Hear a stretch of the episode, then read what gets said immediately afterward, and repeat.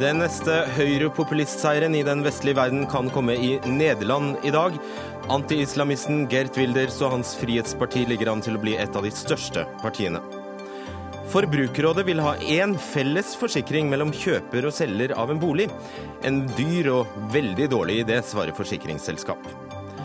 Lokalpatriotisme skygger for fornuften i debatten om et samlet Nord-Norge, mener journalist, og møter en redaktør fra Bodø og en fra Tromsø til debatt. Og vi kommer til å kjøre med sertifisert palmeolje på tanken i flere år i Norge. Må det bety at regnskogen hogges?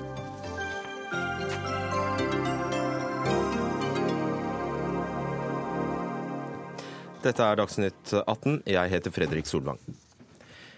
I dag åpnet valglokalene i Nederland, og hele Europa er spent på hvordan den svært kontroversielle Gert Wilders kommer til å gjøre det under parlamentsvalget. Mannen som vil forby Koranen, stenge alle moskeer og stoppe innvandringen fra muslimske land, har blitt eh, en av de mest populære politikerne i Nederland, og hans Frihetsparti ligger an til å bli det nest største i landet. Men hvor mye makt kommer han til å få? Philip Lote, europakorrespondent for NRK, på plass i Nederland har tatt pulsen på denne valgdagen. Det meldes om eh, stor valgdeltakelse der. Hva kan det skyldes? Ja, Midt på så ble det sagt at valgdeltakelsen er langt høyere enn den var i eh, 2012. Eh, og det kan jo skyldes den store oppmerksomheten som dette valget har fått, både i Nederland og internasjonalt. At eh, det føles mer intenst, at det føles eh, viktigere, og at det virker mobiliserende. Men så er jo spørsmålet om hvordan dette slår ut. Om dette er eh, resultatet av en mobilisering for å hindre at eh, Geit Wilders eh, blir størst i dette valget, eller om det faktisk er hans tilhengere som viser seg lojale og kommer til valglokalene for å gi han den oppslutningen som han tidvis har hatt. Han har gått noe ned på meningsmålingene de siste ukene. Eh, men eh, statsminister Mark Rutte og mange andre har jo selv sagt at det er vanskelig å tro på meningsmålinger etter både brexit og Trumps valgseier i USA.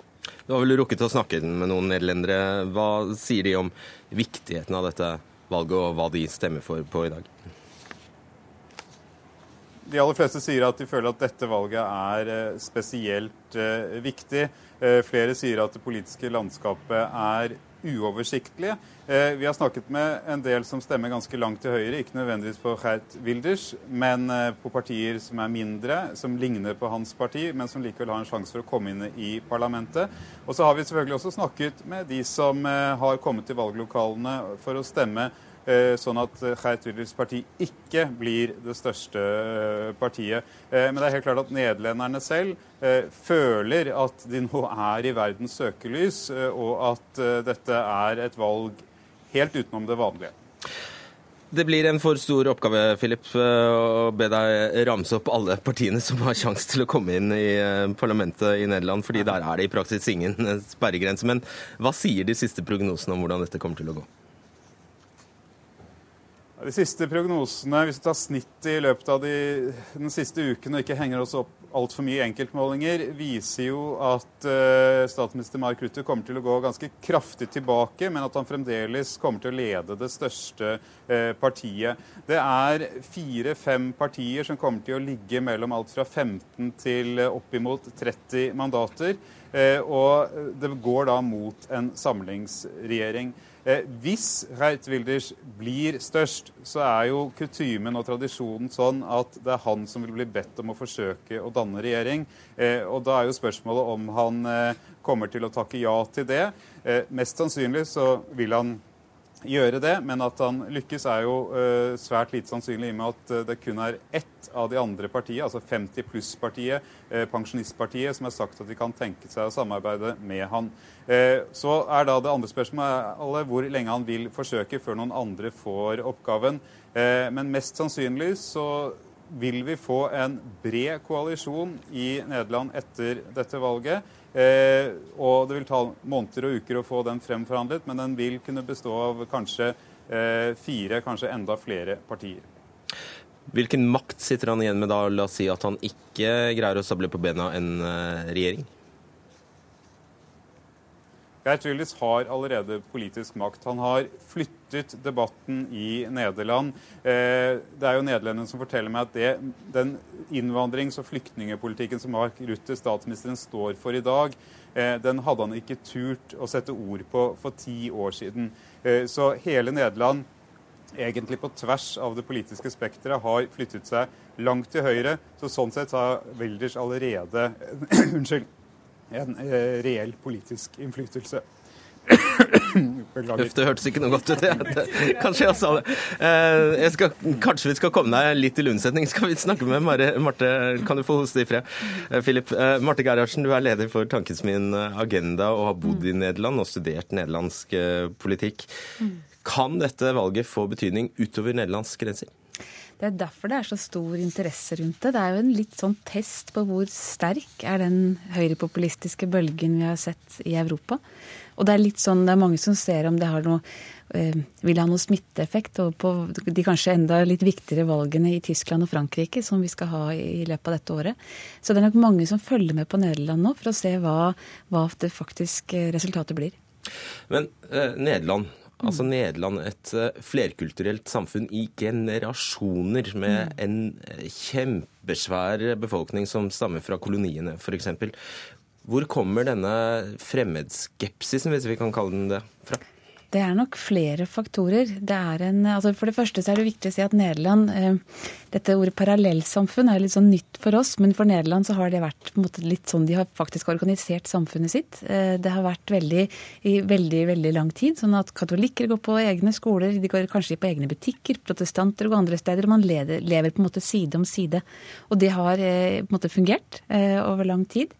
Eh, men det som har skjedd i Nederland, er en kombinasjon av at finanskrisen rammet dem hardt. Det ble høy ledighet. Det var mange av de som måtte, tradisjonelle arbeiderklassevelgere som, eh, som følte at de fikk dårligere vilkår og mer utrygghet.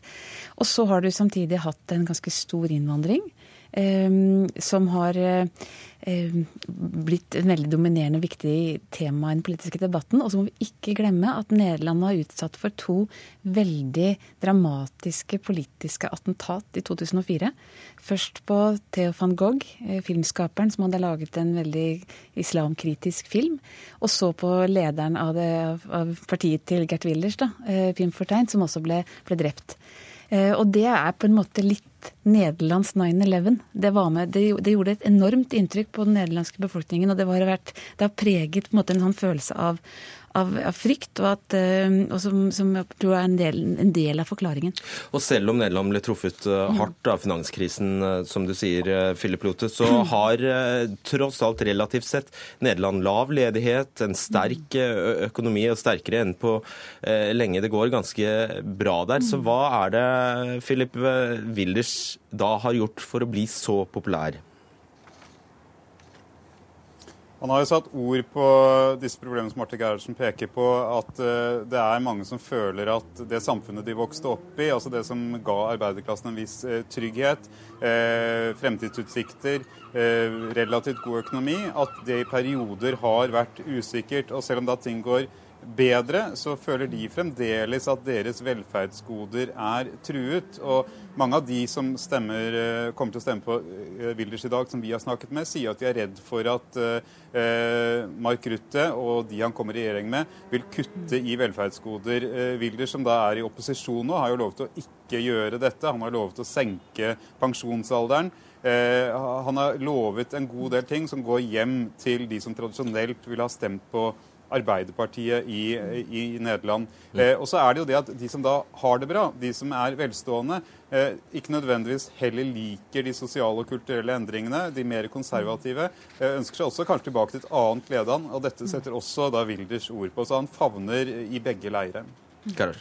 Ja, for til det, til det første som, som, Lote sier, så, så det jo, gjorde de jo en del ganske dramatiske grep pga. finanskrisen. Annet så kuttet de veldig i pensjoner og veldig i helse. Og det har gjort at de har fått et pensjonistparti, et, helse, et, eh, som heter 50 pluss, som nå er i ferd med å bli omtrent like stort som Sosialdemokratene. Eh, så, så det, er, det, har skjedd en del ganske, som har blitt opplevd ganske dramatisk for eh, store grupper i Nederland. Og da ga du meg et stikkord. Sosialdemokra det sosialdemokratiske partiet i Nederland, mm. PVDA, ligger, ligger, an til å gjøre et veldig dårlig valg. De har mistet to av tre velgere mm. siden forrige valg, og da fikk de 25% av stemmene. Nå ligger de an til å få skarve åtte. Hva har skjedd?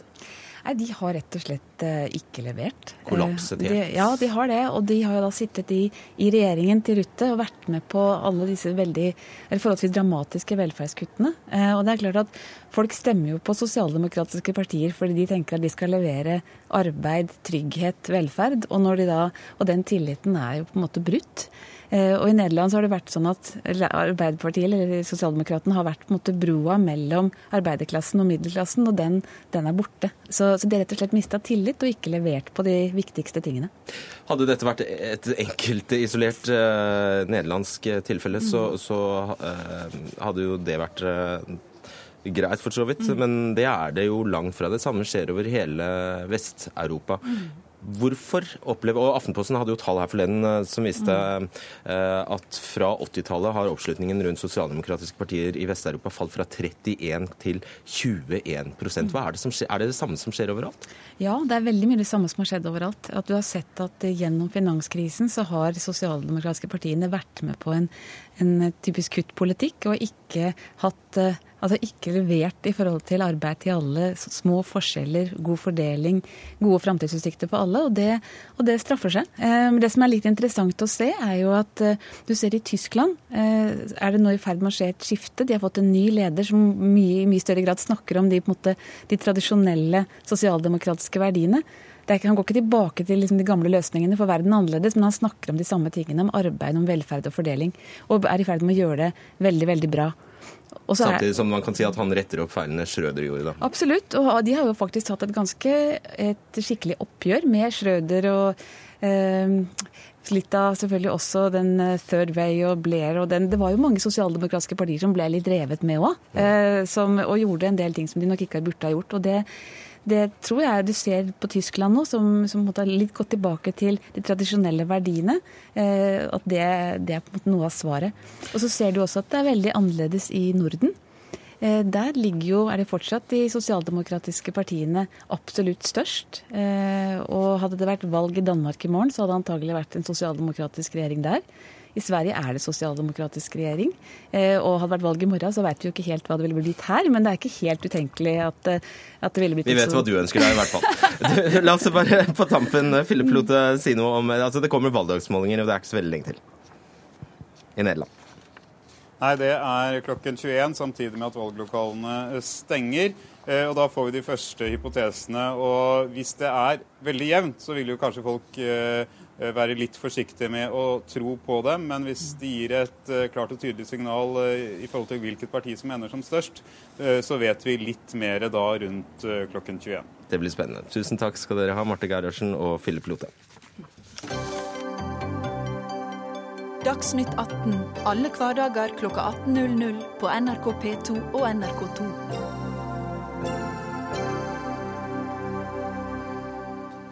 Forbrukerrådet vil ha én felles forsikring mellom kjøper og selger av en bolig.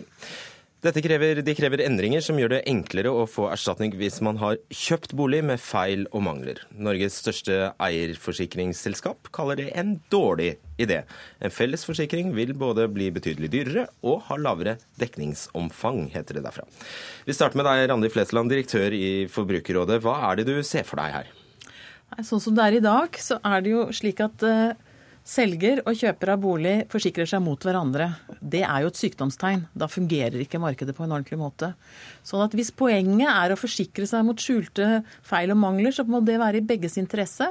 Og derfor så ønsker vi at det nå skal komme én felles, reell eierskifteforsikring som kjøper og selger betaler sammen og eier sammen.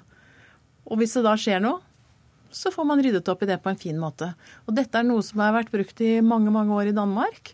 Eh, med svært godt hell. Og alle aktører i Danmark er veldig fornøyd med den løsningen. Men hvis eh, begge, begge parter har forsikring i dag, hva er eh, poenget? Ja, men Syns du ikke det er en fallitterklæring da at en, en, selger skal ha en selgeransvarsforsikring som bare jobber for at selger skal gå fri? Selger kan gjøre nesten hva han vil, og ikke gi den informasjonen som trengs engang. Og gå fri. Og så må boligkjøper faktisk ta en forsikring i tilfelle han kommer i rettssak med, med selger. Vi har jo ikke sånn på noe annet område eh, i samfunnet vårt.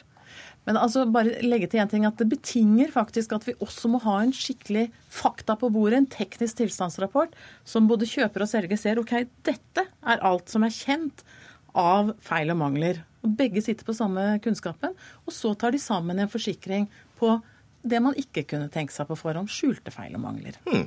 Merete Bernau, du er eh, direktør for eierskiftet Protektor forsikring. Nå foreslår Forbrukerrådet flere endringer, og dette er bare én av dem. Men eh, en slik modell med én felles forsikring, som da egentlig forenkler hele systemet, er det mulig å være imot det? Det, det, høres jo veldig veldig flott ut. Jeg er helt enig. Eh, vi har prøvd det i Norge en gang før. Eh, vi prøvde det ut i rundt 2005. Så var det et selskap som testet ut det. Det var ikke noe veldig suksessfullt. Eh, jeg er uenig i at den eh, løsningen i Danmark er spesielt god. Den er eh, dyr.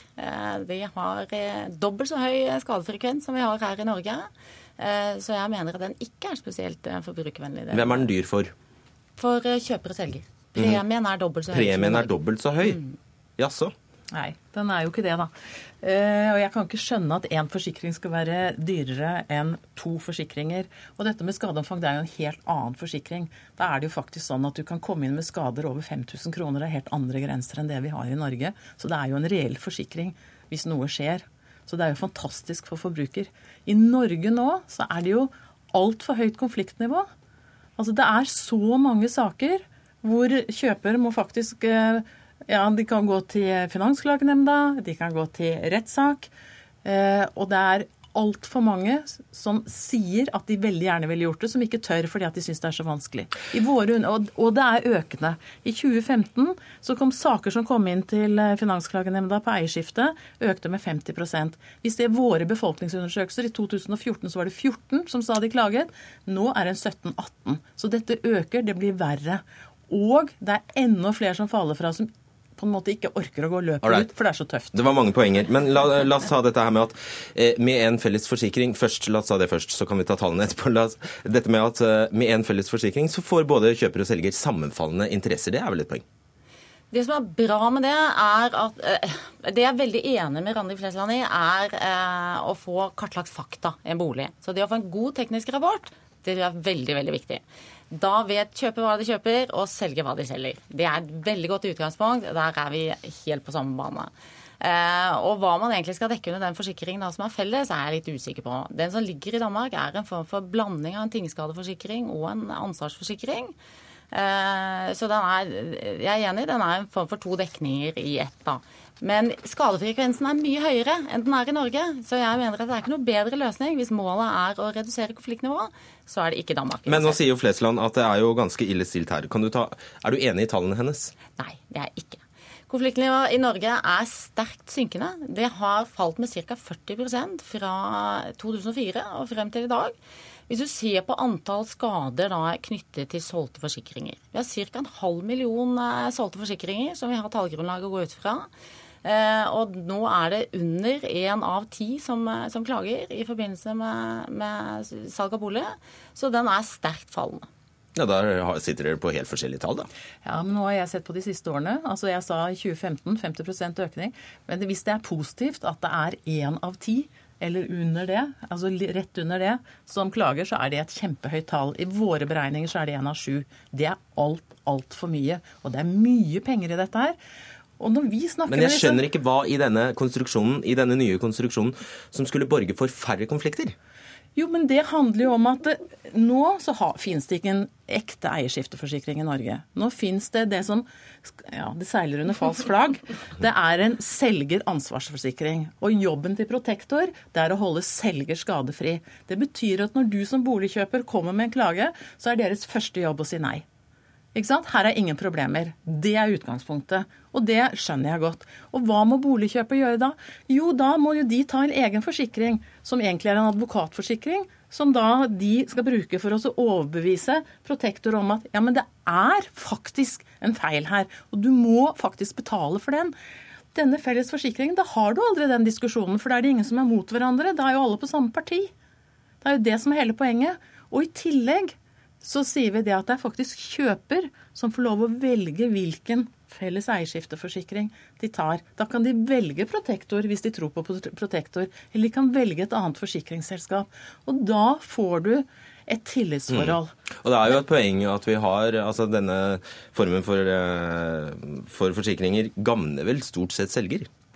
Utgangspunktet må jeg bare si at I Danmark er det to av ti som klager, og i Norge er det én av ti som klager. Eh, bare sånn at vi har de tallene helt i bakhodet når vi snakker om å redusere konfliktnivået. Og for det andre så vil jeg si at ja, eierskiftforsikring det er en ansvarsforsikring for selger. Har alltid vært det. Og det er selgers ansvar i henhold til loven som dekkes.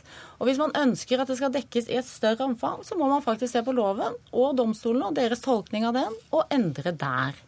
Um, så... ja, men Det er vi helt enige i, at man må endre regelverket rundt det hele. Det er jo en selvfølge. Og så må du ikke bruke disse, disse, skadetallene og sammenligne Danmark og Norge, for det er helt forskjellige tall. Og det er ikke lov, for det er å føre uh, hørerne bak lyset, lytterne bak lyset. Og det skal vi ikke gjøre. Vi må faktisk forholde oss til fakta. Ja, der mener jeg Nei, for det som er i Danmark, er en reell forsikring. Og som jeg sier, du kan komme inn og klage på fra 5000 kroner. Det kan du ikke gjøre i Norge. Nei, for det loven vi, sier at mangel må være vesentlig. Og så må vi se på den tilliten eller den manglende tilliten som er. Altså Sånn som f.eks. Protektor eller eierskifteforsikringene generelt. De har gjennom sin praksis opparbeidet seg et omdømme eh, som er så dårlig at to av tre boligkjøpere velger å ta en advokatforsikring mot eierskifteforsikringen før de går inn og kjøper en bolig. Og det sier jo noe om hvilket eh, miljø vi har innenfor bolighandel i Norge i øyeblikket. Vi kan jo ikke fortsette på denne måten. Vi er jo helt nødt til å gjøre endringer i strukturen. Altså, Er det ikke et poeng Bernau, at hvis du har rett i at tallene er så synkende som du hevder, så indikerer egentlig bare det at dere er blitt, du og dine, har blitt flinkere til å krangle? Jeg tror det indikerer i større grad at både meglerne er blitt eh, bedre, eh, og jeg tror en del forbrukere er eh, blitt mer bevisst hva de forholder seg til.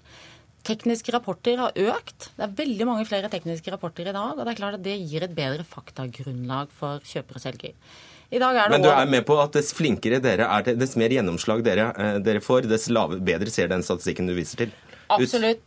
Absolutt. Men vi har eh, en policy hos oss, og det er korrekt oppgjør, og det skal skje hurtig. Og vi har eh, i år betalt ut 100 millioner tusen Vi har tapt 100 millioner kroner, eh, eller 2015 og 2016, eh, på forsikringen. Så, så er Vi har ikke noe vi har selvfølgelig et ønske om å redusere konfliktnivået. Der er vi helt på banen. Er vi akkurat samme mål. Eh, men jeg tror ikke denne metoden er hensiktsmessig i det hele tatt. Ok, Du vet jo alt handler jo selvfølgelig om bunnlinje her. Hva, eh, altså, for, hva, med ditt forslag, eh, hva slags skrell er det du legger opp til for forsikringsbransjen? Det er en grunn til at hun sier nei?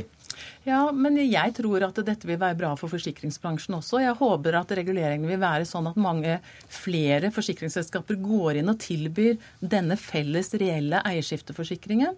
For da blir det et bra produkt og en vinn-vinn for alle parter. For sånn som det er nå, F.eks. sånn som boligkjøperne forteller oss. Ja, jeg skjønner at DLV har raskt oppgjør. Det går raskt å si nei. Det er kjekt å sette et lavt forlik, så man raskt kan bli ferdig før man finner flere feil. Det boligkjøperne forteller oss, er at det er så streng avvisningspraksis. Altså dere sier nei så mye. Dere haler ut oppgjøret. De må leve i årevis med å vente på oppgjøret. Eh, det er tilbud på forlik som er så lavt at det faktisk er en skam i forhold til det de får gjennom rettssakene. Det går faktisk ikke an å fortsette med en bransje som har så lavt omdømme. Det er, det er ikke norske forbrukere verdig, rett og slett. Vi får svært gode evalueringer når vi går ut og spør våre kunder. Eh, og eh, jeg tror ja, det du ser på i dag, er, Ikke fra kjøperne, kanskje? Vi, vi, spør kjøperne også. Nei, det er 0 på, på kjøperne. Vi, det har vi også sjekket. Okay, dere ser på et skjevutvalg av sakene. Hvis vi selger 100 eh, forsikringer, så går det veldig veldig bra i stort sett alle de situasjonene. De fleste boligsalg i Norge går helt supert. Det er stort sett problemer. Siste spørsmål til deg, Berna. Eh, hvorfor ikke bare justere litt på forretningsmodellen her og tilby Du kan jo doble markedspotensialet ditt. Vi tror ikke det er noen god løsning. Vi tror ikke det er forbrukervennlig. Det er dårligere dekning. Det er en dyrere løsning. Vi tror rett og slett ikke det er forbrukervennlig, og det er høyere konfliktnivå. Men da har jeg et sånn midlertidig forslag. Kan dere skifte navn på forsikringen, så det er det det faktisk er. En selgeransvarsforsikring. Så nummer én, så du ikke seiler under falskt flagg. Og så får vi jobbe politisk videre for å finne den gode løsningen for norske forbrukere og norske boligkjøpere. Det, det, skal vi gjerne se på. Skifte navn. Skifte navn. Det har vi vurdert okay. tidligere. Samme innhold, skifte navn. Greit. Takk. Randi Flesland, Merete Bernau.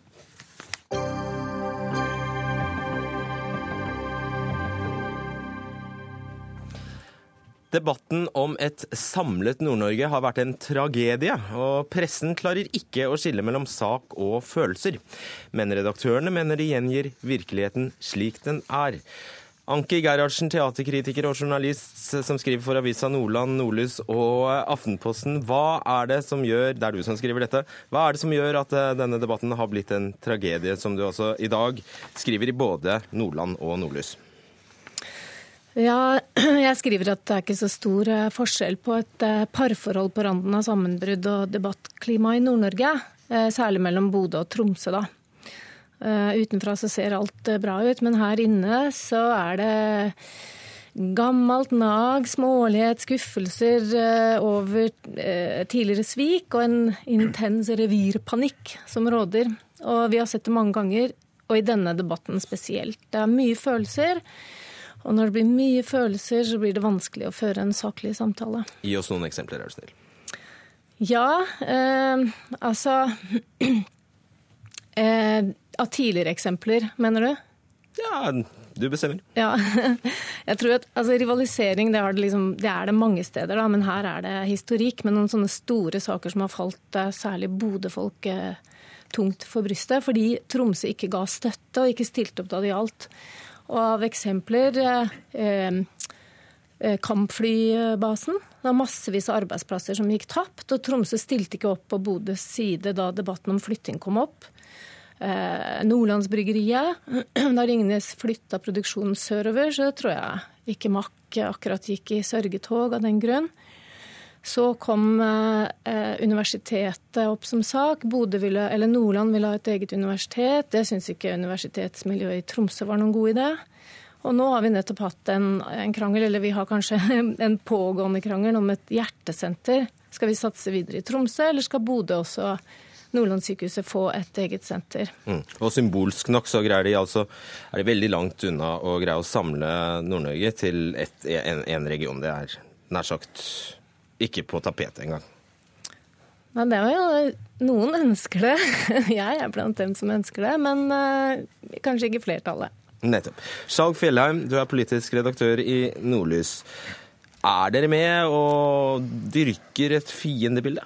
Nei, det er vi jo ikke. Vi har engasjert oss veldig sterkt i den eh, regiondebatten, eh, regionaliseringsdebatten. Eh, vi har hatt et tydelig engasjement, og når vi nå ser utfallet, så finner vi jo grunn til å, å beklage det, fordi vi syns det gjør Nord-Norge mindre enn det, det behøver å være. Altså, Nordlys har hatt Nord-Norge som sitt prosjekt helt siden avisa ble stifta for 115 år siden. Så det å argumentere for regionalt fellesskap i nord, det er, det er ikke noe nytt for de som har fulgt med. Og Vi har altså ment at den gamle amtsinndelinga fra 1660 ikke er funksjonelt for å bygge moderne samfunn i nord.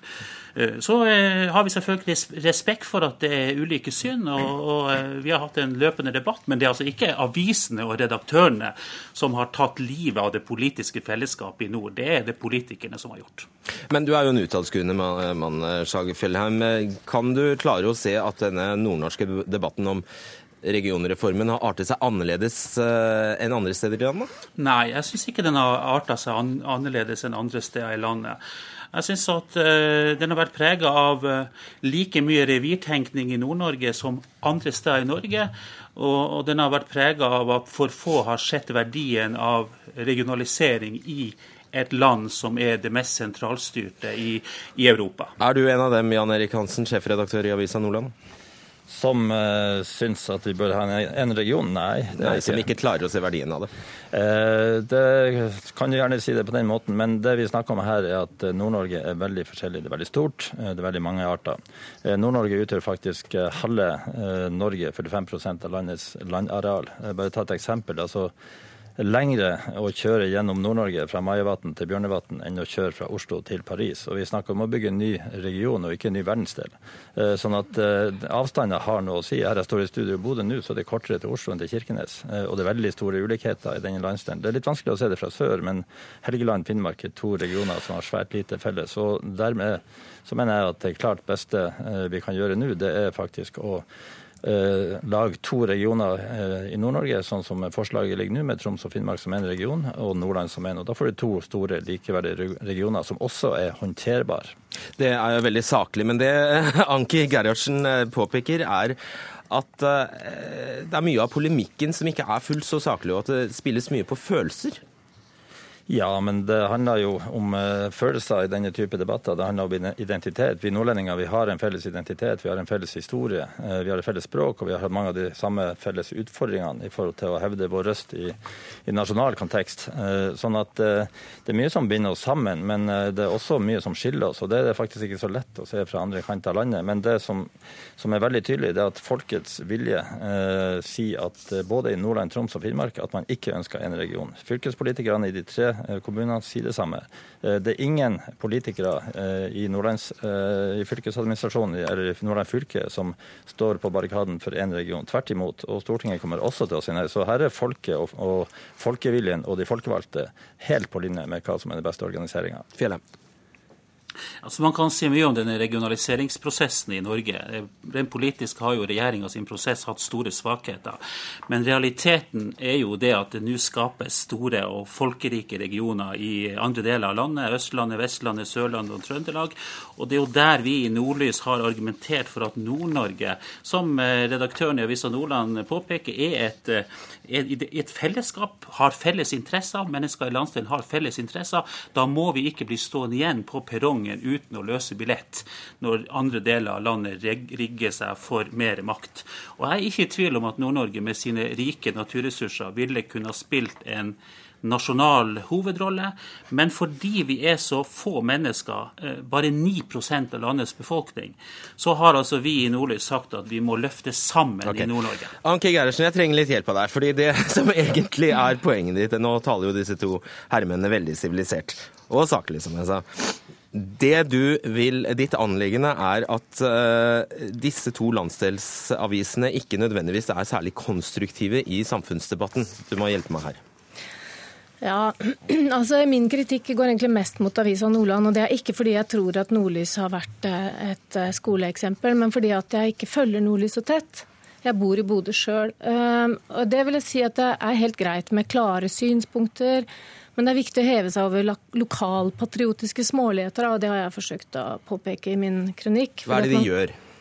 Så man må sørge for at folk føler seg bekvemme med å delta i samtalen uansett ståsted. Eh, jeg har jo kritisert Jan Eirik eh, for å publisere personkarakteristikker og latterliggjøring på Facebook, men jeg vet at mange mener at Nordlys har vært eh, minst like ille. Da jeg delte min kronikk på Facebook, ble det straks diskusjon der, men da var det folk som tok kontakt med meg og sa at de var enige med meg og gjerne ville både like og kommentere, men lot det være fordi Skjalg Fjellheim var aktiv på tråden. Da. OK, Hansen vil svare.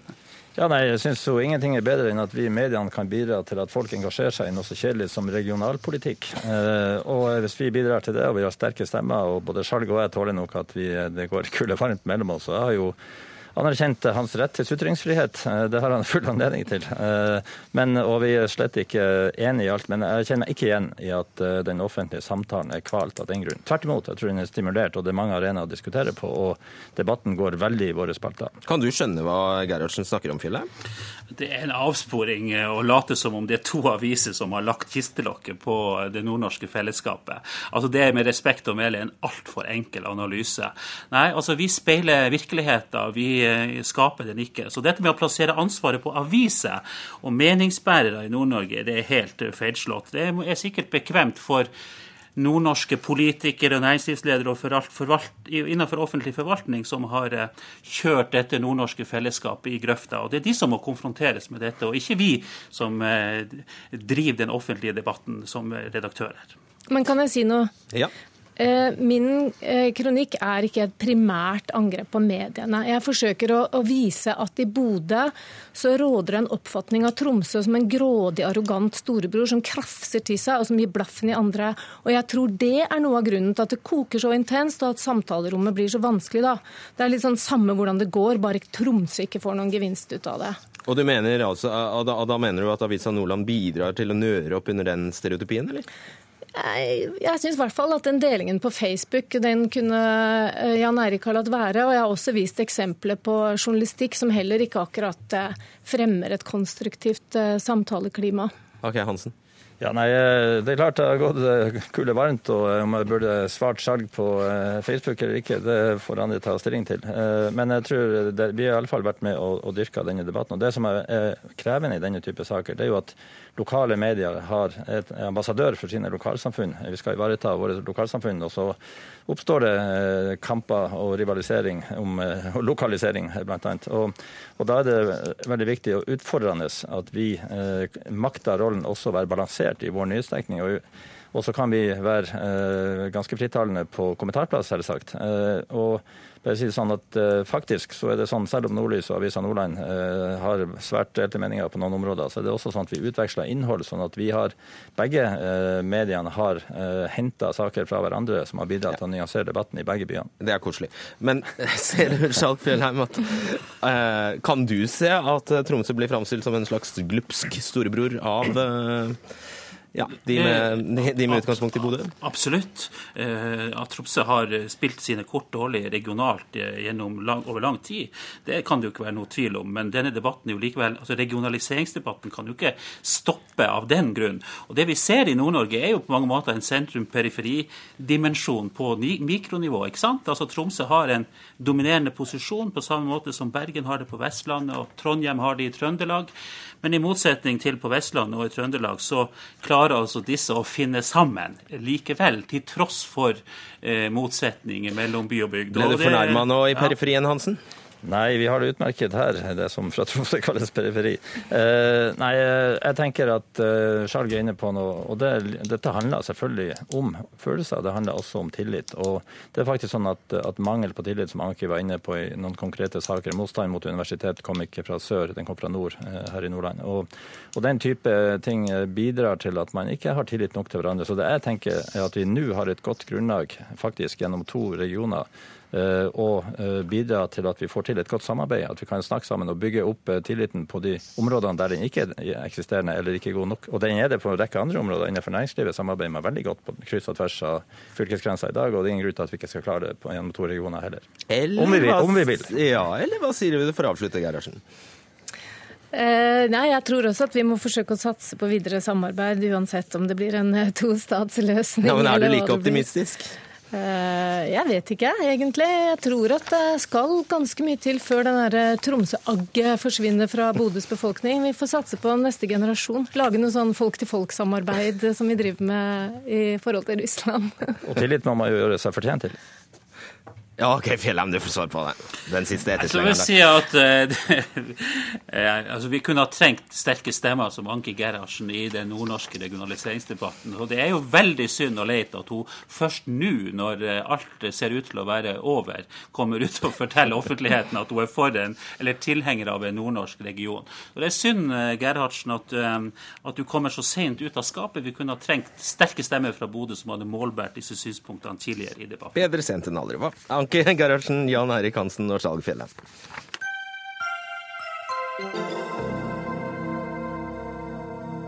To russiske agenter er siktet for hacking av amerikanske myndigheter. Det er ifølge myndighetene snakk om massiv hacking av internettgiganten Yahoo. Eh, totalt er fire personer siktet, og to andre siktede blir omtalt som kriminelle hackere av Justisdepartementet i USA. Og Gro Holm, korrespondent i USA, du har fulgt med på pressekonferansen som var ferdig for litt siden. Eh, hvor spesiell er denne saken? Ja, den er jo spesiell, for det er første gangen at amerikanske myndigheter faktisk sikter eh, russiske offentlige ansatte, altså to ansatte i eh, FSB, som er eh, sikkerhetspolitiet deres. Eh, og, og, det er jo også omfanget av denne saken som er spesielt. De snakker om at eh, kontoene til embetsfolk, både russiske og amerikanske, inkludert folk i utenriksdepartementene og, eh, og Forsvaret, militæret, pluss eh, forretningsfolk, skal altså være hacket. Og en av disse kriminelle som nevnes, en av hackerne, han skal også ha brukt samarbeidet med FSB til å gjøre seg rik på det, bl.a. ved å hacke eh, hacke inn på folks eh, kredittkortnumre. Jøye meg. Eh, er det sagt noe om motiv? Altså, Det er uklart om motivet bare har vært fortjeneste, eh, eller om det har også vært eh, generelt å skaffe seg informasjon som eventuelt kan brukes politisk. Men for disse to kriminelle skal det ha vært eh, fortjeneste. De skal også da, disse kriminelle ha, ha samarbeidet med den delen av FSB som står for cyber- eller datakrigføring datakriminalitet. Så hvor, hvor, omfattende og hvor stor skade dette kan ha gjort, det vet ikke offentligheten, i hvert fall her. Og det er vel heller ikke sikkert at den får vite det. Hva sier russiske myndigheter, da? Ja, Russiske myndigheter de avviser jo dette her. Eh, og de sier at eh, altså Uoffisielt så har de uttalt seg til et av nyhetsbyråene og sier at eh, de har aldri blitt kontaktet av amerikanerne for å samarbeide om å avsløre dette her. Hvorvidt det er riktig, det, det vet vi ikke. Russiske offisielle uttalelser er ikke alltid sannferdige. Du sa du bekreftet du, Gro, at det er snakk om 500 millioner e-post, eller Yahoo-brukere. Er det så mange?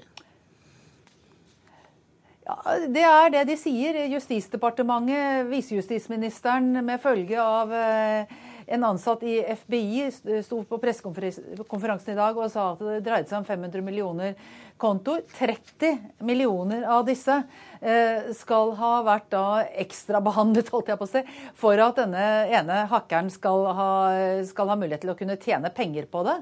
Eh, men, men akkurat Eh, hvordan dette har skjedd og hva slags opplysninger som er kommet ut, det vet vi jo ikke i detalj. Dette er ganske, ganske store og vide sekkeposter. Når de sier f.eks. at de har hacket eh, diplomater og militære, så vet vi ikke på hvilket nivå eller hva slags informasjon de har forsøkt å få ut derfra. Du, Det har også vært en annen pressekonferanse i dag, Gro. Der var Barack Obama tema. Hva kom fram der? Ja, eh, og det var en pressekonferanse med eh, lederen for eh, etterretningskomiteen i Representantenes hus, en republikaner, han heter David Nunes, og hans demokratiske kollega i samme komiteen, Schiffer. Og de sa begge to at de ikke hadde noe noen ting som tydet på at Trumps påstand om at han var avlyttet, eh, at Trump Tower var avlyttet av daværende president Obama, at, at det var riktig. Er den lagt helt død nå? Nei, det skal være en høring om dette på mandag. Og da kommer eh, FBI-sjef James Comey til Senatet for å svare på spørsmålet, det helt åpenbare spørsmålet.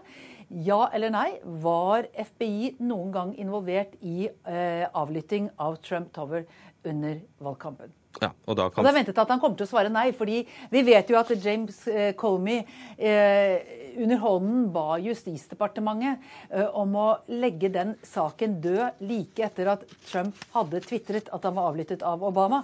Eh, og det ønsket ikke Justisdepartementet å gjøre. Men eh, det var altså Comey og daværende sjef for hele den amerikanske etterretningen, Clapper, sa i et TV-intervju at han hadde aldri hørt eh, og aldri vært borti noe som tydet på at Obama hadde eh, ønsket om eller gitt ordre om den slags eh, avlytting av Trump. Ja, og Da retter alles øyne seg selvfølgelig mot selveste Donald Trump, som altså må forklare hvor uh, han tok det fra at uh, han var avlyttet.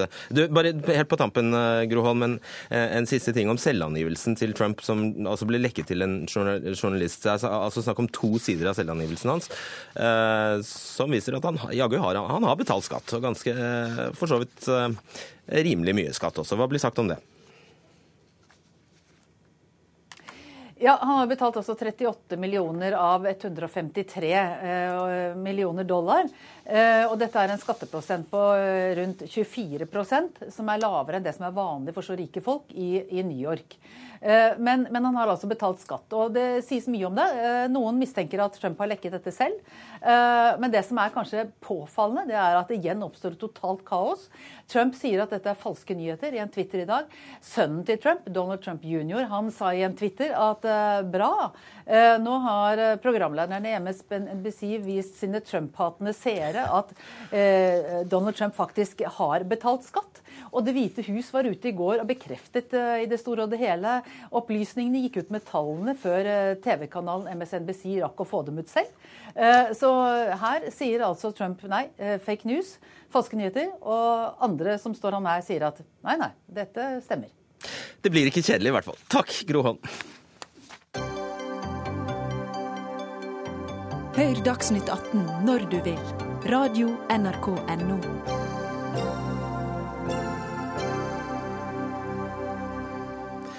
I går klargjorde Venstre og Høyre at biodrivstoffsatsingen her til lands kan løses med sertifisert ren palmeolje. Mye av drivstoffet vi kjører på nå kan være nettopp palmeolje. Og det er helt greit hvis den er bærekraftig, sa statssekretær i Klima- og miljødepartementet Lars Andreas Lunde og Venstres Ola Elvestuen i går. Palmeolje er greit, bare det er sertifisert. Ifølge EUs bærekraftskriterier så er det greit, og vi forholder oss til EUs bærekraftskriterier. Og frem til vi får opp norsk, norsk produksjon, så må vi da importere denne palmeoljen fra andre steder. Jeg mener jo at det er ikke sånn at det per definisjon i seg selv at det er palmeolje som produkt som er ødeleggende. Det kan også være produksjon av palmeolje som er bærekraftig, og det må vi også legge til grunn. Ja, Så hva betyr det? Hva er bærekraftig palmeolje? Vi har samlet et lite panel med de fremste fagfolkene på dette området for å besvare det spørsmålet. Og Først til deg, Audun Rossland, avdelingsdirektør i klimaavdelingen i Miljødirektoratet. Hva betyr det at palmeoljen er bærekraftsertifisert av EU? Jo, Bærekraftskriteriene består av to deler. Eh, den ene delen er et krav om reduksjon i klimagassutslippene. Eh, det innebærer at eh, du må ha redusert utslippene med 35 eh, I forhold til, til konvensjonelt drivstoff, og 50% innen 2018. Eh, dette er et område hvor palmeolje kommer ganske godt ut, for det er en ganske effektiv produksjon. Eh, også du har lave utslipp i forhold til produksjonen og arealene. Så det er et annet krav som er knyttet til arealene. Og det er et eh, krav som er laget slik at du skal unngå områder med høy biodiversitet, men også, kanskje det aller viktigste, høyt karbonlager. Hensikten med dette arealkravet det er å forhindre at man hogger regnskog og eller eh, drenere myr for å skaffe råstoff til, eh, til biodrivstoffet. Men så er det et årstall som er ganske viktig her, 2008. Ja, det er helt riktig. Det er et årstall når det gjelder arealkriteriene. At eh, man, skal, man betrakter denne areal... Eh, endringen fra tidspunktet 2008. Så hvis avskogingen har skjedd før 2008, så vil ikke dette eh, kravet slå inn. Satt helt på spisen, da. Man kan risikere å få den verste av den verste palmeoljen fra en plantasje som ble etablert eh, i desember 2007. I prinsippet, ja. Og da er det greit? Ja, da er det greit. I forhold til de eh, kriteriene som EU har eh, lagt til grunn, som også Norge har implementert. Yes. Lars Løvold, du er daglig leder i Regnskogfondet. Hva er det disse bærekraftskriteriene overhodet ikke tar stilling til? På den ene siden så har du akkurat den oljen som man sier skal være bærekraftig. Samtidig så har du spørsmålet om etterspørsel etter denne palmeoljen. Det er en vanvittig stor etterspørsel etter palmeolje, og det å putte palmeolje på tanken, det bidrar til drastisk økt etterspørsel. Det betyr igjen at hele denne bransjen, som er en ganske cowboyaktig og vill bransje, ekspanderer både i regnskogsområder i Indonesia og Malaysia, men også i Afrika og Sør-Amerika. Eh, og det skaper både miljøødeleggelse, store utslipp, konflikt med lokalbefolkningen. Sånn at vårt problem er rett og slett at det er feil, det er dumt, å bruke palmeolje fra tropiske strøk i norsk biodrivstoff. Det er greit, men er du enig i at bærekraftig er bærekraftig? Det er teknisk mulig å produsere bærekraftig eh, palmeolje. Det, selve palmeoljen kan du lage på et område som ble avskoget for 100 år siden. Eh, og det kan du gjøre på forsvarlig vis. Poenget er at veldig mye av ekspansjonen skjer ikke der. Den skjer der hvor bransjen tjener mest, og det er å ekspandere i, inn i regnskogen. Men det er jo ikke den typen vi skal ha. Nei, men da må du eh, Allikevel så må du unngå å skape økt etterspørsel i en bransje som ønsker å doble sin produksjon nå i løpet av relativt få år. Eh, og den har vist Den er jo rett og slett hovedårsaken til avskoging av veldig verdifull regnskog i Indonesia og Malaysia. Mm. Og dette har dere også uttrykt eh, bekymring for. altså dette, Vi er inne på området som, kan, som kalles areal, indirekte arealbruksendringer. Rossland, hva er det? Nei, men Det er helt riktig. Det er, eh, det er, riktig som Lars sier her, at eh, det er en risiko eh, ved en, en stor, et stort bruk av matbasert biodrivstoff, som vi er inne på her. Dette gjelder jo ikke avansert drivstoff, som har vært ofte oppe i debatten de siste dagene. Men for, for dette området er det en, en, viss risiko at man lekker ut produksjon på en slik måte at man, tar i, at man må avskoge et annet areal. Så selv om vi kjøper sertifisert, sertifisert palmeolje, så vil det skape en etterspørsel etter palmeolje generelt, og dermed også dårlig palmeolje et, et, eller annet sted på jorda. Det er en risiko for det. Men så er det viktig å understreke her at EU eh, e har eh, også et direktiv på, på dette med ILUC, altså indirekte arealendringer. Og det, dette er et direktiv som Norge har til hensikt å implementere. Vi legger for øvrig fram en, en, en konsekvensutredning om dette i morgen, eh, bl.a. Eh, men den har til hensikt å gjøre det indirekte ved at man setter et tak på hvor mye av matbasert eh, biodrivstoff som kan brukes inn i oppfyllelsen av fornybarmålet på 10% er disse, er disse mm, skottene mot arealbruksendringer gode nok? Det tør jeg faktisk ikke si at jeg vet nok om. Men det jeg kjenner bransjen så godt, er at det er en veldig vill ekspansjon eh, i veldig mange land og i veldig mange områder med utrolig dårlig styring, utrolig dårlig arealkontroll. Så hvis vi møter konflikter knyttet til palmeoljeproduksjon, i veldig mange av de regnskogslandene hvor Regnskogfondet jobber. Right. Vi skal nå snakke med André Fay. Han er professor i energisystemanalyse ved Universitetet i Groningen i Nederland. Og har eh, FNs, eh, jobbet med FNs klimapanel i over ti år. Uh, good to have you with us, uh, Mr. Uh, Mr. Fay. what would be the impact um, for the rainforest of the world if Norway were to increase demand for sustainable palm oil with several hundred million liters every year. Right. Good evening. Good evening. To, uh, in the broadcast. Uh, yeah, that that fully depends on how uh, the palm oil is produced, how the palm oil is sourced, and what sustainability criteria would apply. You can do palm oil in a very bad way, uh, without controls and cutting down more rainforest and draining peatlands, but you can also grow palm oil in a very good way. Uh, if you would, for example, be able to plant uh, palm oil on more marginal lands, which are plentiful in um, in uh, Indonesia, or you would do this in Colombia, where very strict uh, standards apply for palm oil, the performance of the crop can actually be very good. Right. So it all depends. Right. Jeg skal bare oversette litt her. Altså, det kommer helt an på hvilke bærekraftskriterier man legger for dagen, og hvor man kjøper råstoffet, altså den palmeoljen fra, sier altså Fay. Um, og man kan oppleve, man kan oppnå positiv klimaeffekt av det, sier han. Would Norwegian authorities be legally able to put strict national criteria on the uh, palm oil biofuels, uh, or would it be up to each commercial supplier? No, the, the government can actually put those standards in um, uh, in practice. That's also what's happening uh, in the Netherlands at the moment. For example, around uh, wood-based uh, um, uh, biofuels. And uh, at the moment, incentives are um, are implemented. So, for for example, a subsidy or it is an obligatory target. Uh, you can put environmental standards um, uh, in place. And at the moment, the standards are not met. The incentive may be removed, or the, simply it doesn't count to meet the target. Hmm. So that's a very strong measure. Eh, right. Eh, så det han sier er at eh, Norge kan faktisk ilegge krav, helt spesielle krav til hvor vi vil hente vår palmeolje fra. Man kan bruke økonomiske insentiver da, for å få dette til, som da trekkes tilbake hvis kriteriene ikke oppfylles. Um, would you say that the existing EU sustainability criteria for biofuels made from palm oil are sufficient to avoid any risk of deforestation? No, I think these are not sufficient yet, but they have moved in the right direction already over the past years. I think that's something to acknowledge. Um, we are talking about a, a, very complex issue where we not only want uh, very good biofuels, but we also want good management of land and good agricultural practices. Hmm. And that is actually where uh, the biofuel certification is spearheading a far larger question.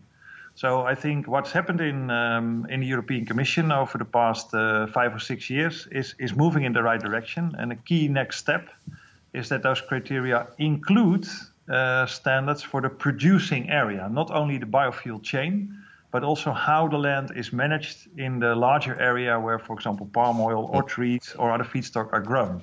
Right. Så um, Far sier at uh, vi beveger oss i riktig retning. Selv om dagens uh, bærekraftskriterier fra EU ikke er fullgode, så beveger vi oss i riktig retning. Og det neste blir altså også stille strenge krav til uh, nøyaktig de stedene der palmeoljen produseres eller, eller, dyrkes. Da. Lastly, uh, most Norwegian consumers don't even want to eat uh, chocolate containing palm oil, and now we're supposed to put it in our cars. Are you not? Uh, are we not supposed to be skeptical towards palm oil and uh, palm oil anymore? Well, also here a balanced uh, answer. I think uh, palm oil biodiesel will not be the, the, the, major biofuel for medium to longer term. We need to go to advanced biofuels based on perennial crops, uh, trees, grasses, uh, biomass residues, and waste. That's a different technology, but the palm oil can nevertheless contribute. It is a very productive oil crop. It's the most productive oil crop we have on the globe. And at the moment, people say, I don't want to use this for my cookies or my shampoo. They will need another oil crop. And that means, per definition, that the land use for producing that oil will be larger than using palm oil. Right. The key is that palm oil is grown in tropical regions, and that is where you have to deal with forest protection and also often with uh, rural development issues that need to be resolved at the same time. But it is overall uh, the most effective oil crop we have, and that's something to keep in mind as well. Thank you very much indeed, Mr. Andre Fudge. Uh, Fay. Uh, han sier altså her at uh, vi må huske på at palmeolje er faktisk uh, den mest produktive oljeplanten vi har. og Hvis vi erstatter den med en annen olje, så, så vil det også ha sine konsekvenser på arealet i verden. Um, men på sikt så, vi altså, så, skal vi bruke ressurser som skog og avfall og uh, gress og andre råstoffer, eh, reststoffer, sier uh, Fay. Er du enig? Hva, hva sier du til dette, Løvold? Jeg er jo enig i at det er mulig å produsere eh, palmeolje på degradert og ødelagt land på en måte som ikke skader regnskogen, og man sparer torvmyrer osv. Det må man da selvfølgelig gjøre. Det er helt åpenbart at vi trenger alternativer til eh, fossilt drivstoff. Eh, men jeg mener, og Regnskogfondet mener, at det å omfavne palmeolje i dagens situasjon er et alvorlig feilgrep. Mm. Eh, vi trenger, som professoren sier, å utvikle mye mer avanserte former for biodrivstoff enn palmeolje. Og vi må sikre oss at det vi faktisk putter på tanken, beviselig er, gir mindre utslipp. Veldig mange typer palmeolje gir drastisk større utslipp enn vanlig bensin. Og det er jo veldig alvorlig. Klarer du på under et minutt Rosland, å forklare oss eh, hva må til for at eh, den palmeoljen vi får her, eh, ikke er klimavennlig? Nei, først, først, og fremst så må vi jo følge bærekraftskriteriene og sikre at de blir oppfylt. Men så vil jeg også si det at eh, det er jo en stadig forbedring. Og, og EU selv også ønsker å gjøre en forbedring av, av kriteriene. Bl.a. Eh, nå med å foreslå 70 eh, utslippskutt ved biodrivstoff. Men også dette arealkriteriet kan det være nyttig for EU å gå inn i. Vi lærte litt om palmeolje i hvert fall. Tusen takk skal dere ha, Lars Løvold og Audun Rossland. Det var det siste som ble sagt i Dagsnytt 18 i dag. Eh, ansvarlig for sendingen var Fredrik Lauritzen. Frode Thorshaug var i teknikken, og i studio Fredrik Solvang. God kveld.